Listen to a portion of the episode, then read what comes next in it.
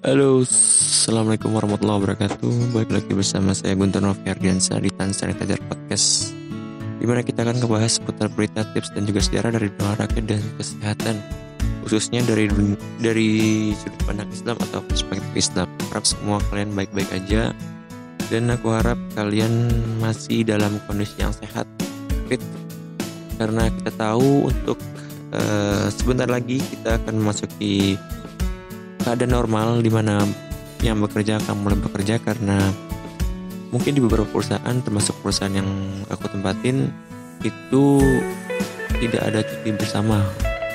Maksudnya cuti bersama itu kan menurut pemerintah itu akan dipindah di akhir tahun akibat penyebaran uh, wabah virus pandemi corona ini.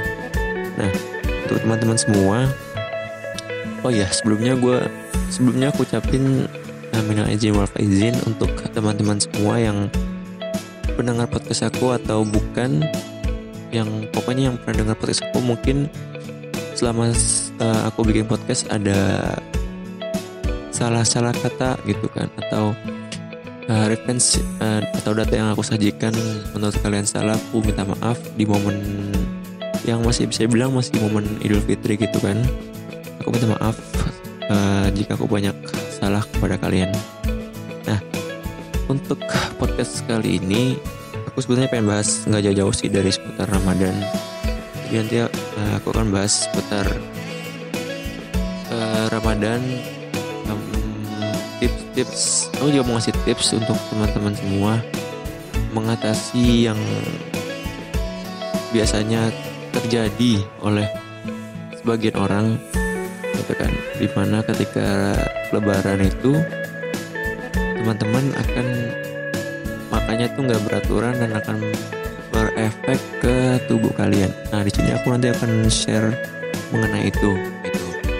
Nah jadi ngomong-ngomong untuk lebaran kan banyak tuh ya. Kadang mungkin di beberapa tahun atau apalagi mulai ada sosmed itu kan banyak tuh ketika lebaran banyak banget ada uh, hashtag atau tagar kan lebaran atau lebaran. Nah, untuk teman-teman semua, mungkin ini kejadian untuk kalian juga dan dulu aku juga kayak gitu. Aku ketika puasa nih udah capek puasa selama 30 hari puasa kurang lebih.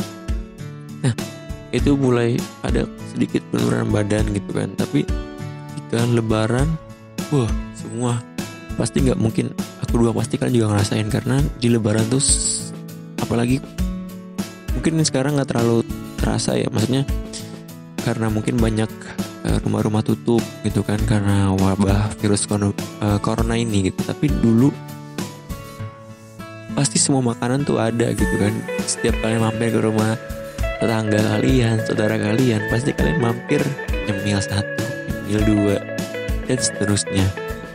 Itu sebenarnya yang membuat uh, bisa dibilang membuat uh, kita berlebihan makanan dan tubuh kita menjadi lebaran bukan lebaran gitu kan.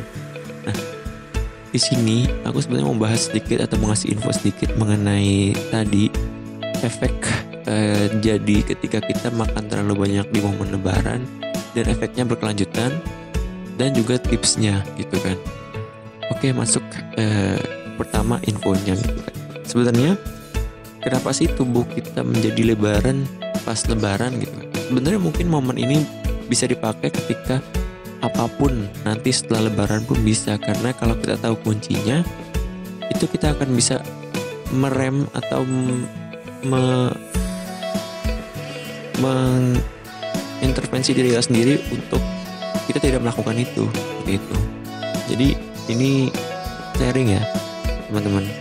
Jadi sebenarnya untuk apa pun uh, kondisinya yang membuat tubuh kita lebaran itu adalah ketika kalori yang masuk ke tubuh kita dalam sehari itu melebihi dari kalori yang dibutuhkan oleh tubuh kita dalam sehari. Contoh, biasanya kalau untuk kalori sendiri yang dibutuhkan tubuh manusia rata-rata itu sekitar 1500 sampai 2000 kalori.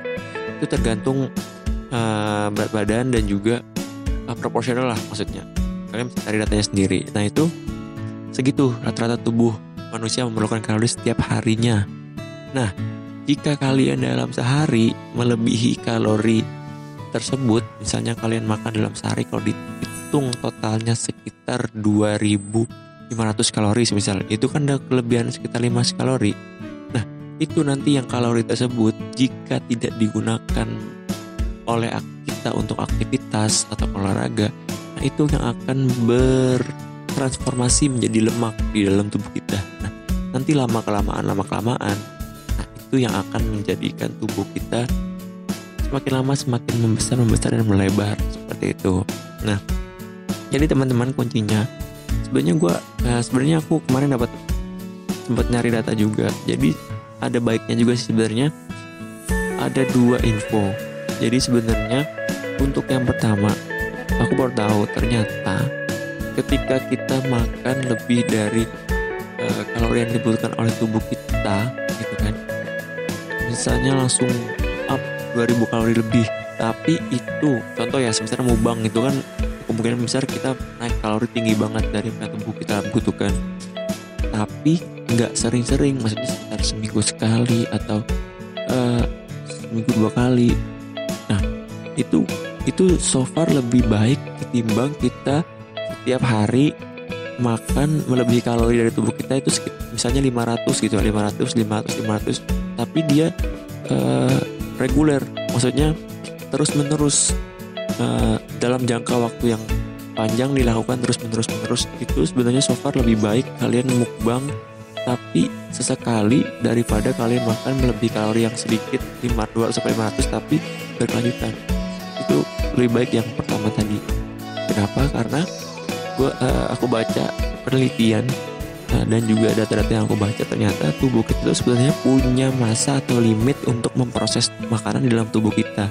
Jadi, misal ketika kita kelebihan tadi 2000 kalori. Nah, itu yang akan menjadi lemak itu udah udah punya porsinya sendiri oleh tubuh ada limitnya. Nah, ke mana sih sisanya itu yang ketika nggak diproses oleh lemak ketika lebih 2000 kalori contoh misalnya ada lebih 2000 misalnya jadi lemak itu sekitar 500 contoh ya. Nah itu 1500 itu ke mana?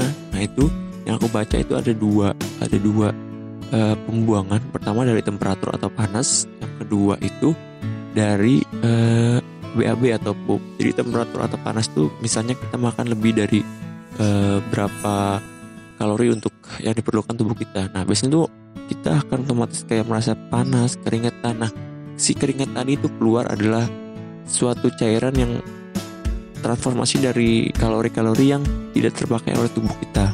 Sedangkan pup ya biasalah. Jadi ketika biasanya kalau kalian lebih makan banyak, biasanya ya kalau terus kalau makan kalian lebih sehat lah berserat itu akan langsung otomatis terbuang lewat si tadi pup tadi atau si keringat tadi.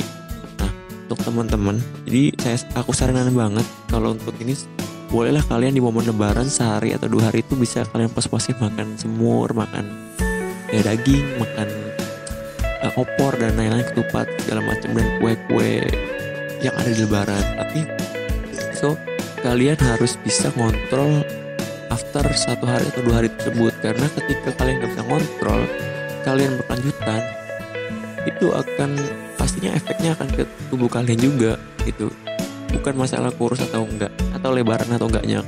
Itu baik lagi ambillah dari sisi kesehatannya karena itu sangat gak sehat buat tubuh kalian jadi itu yang pertama ya kan?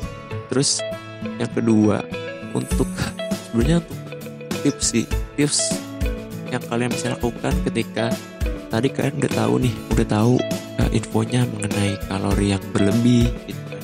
Mengenai sisa kalori yang pembuangannya ke mana. Terus yang kedua nih sebetulnya lebih ke tips gitu kan teman-teman yang bisa menjaga pola makan setelah uh, lebaran itu seperti apa?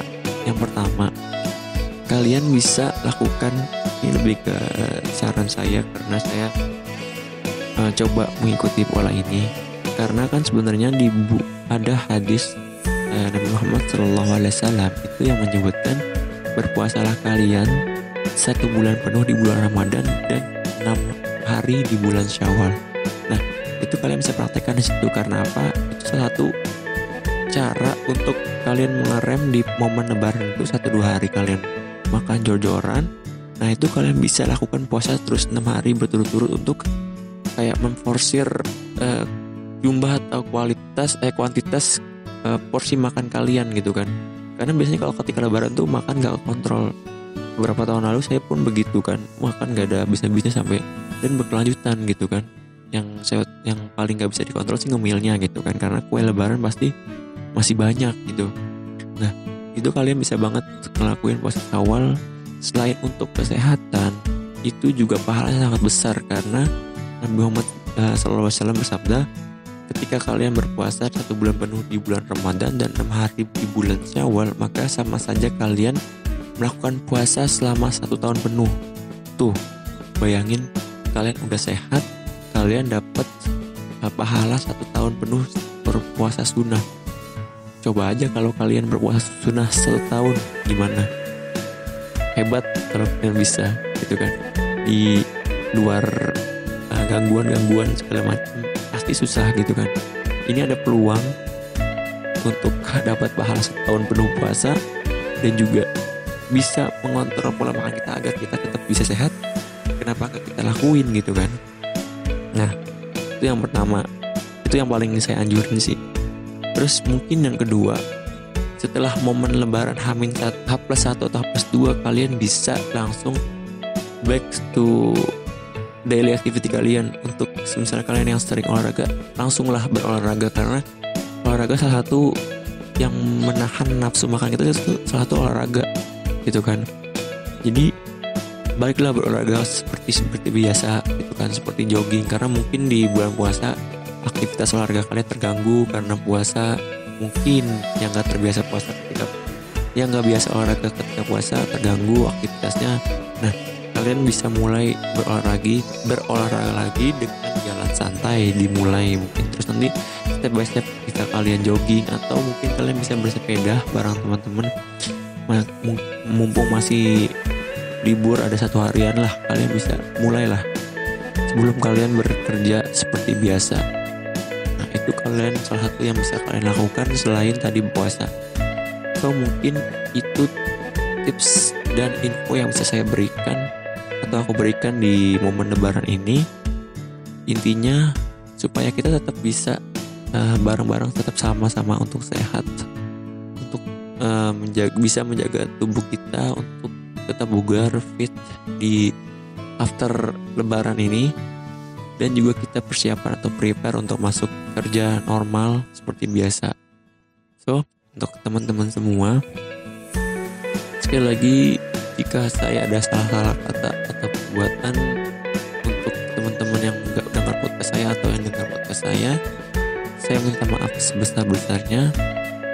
Dan untuk teman-teman juga jangan lupa tetap uh, dengar podcast dari aku Semoga podcast yang aku berikan, info-info tentang kesehatan dan olahraga, khususnya dari sudut pandang atau perspektif Islam, bisa memberikan manfaat buat kalian, khususnya buat diri aku sendiri, gitu kan. So, tetap jaga pola makan, olahraga yang rutin, and stay tuned dan Sanitizer Podcast.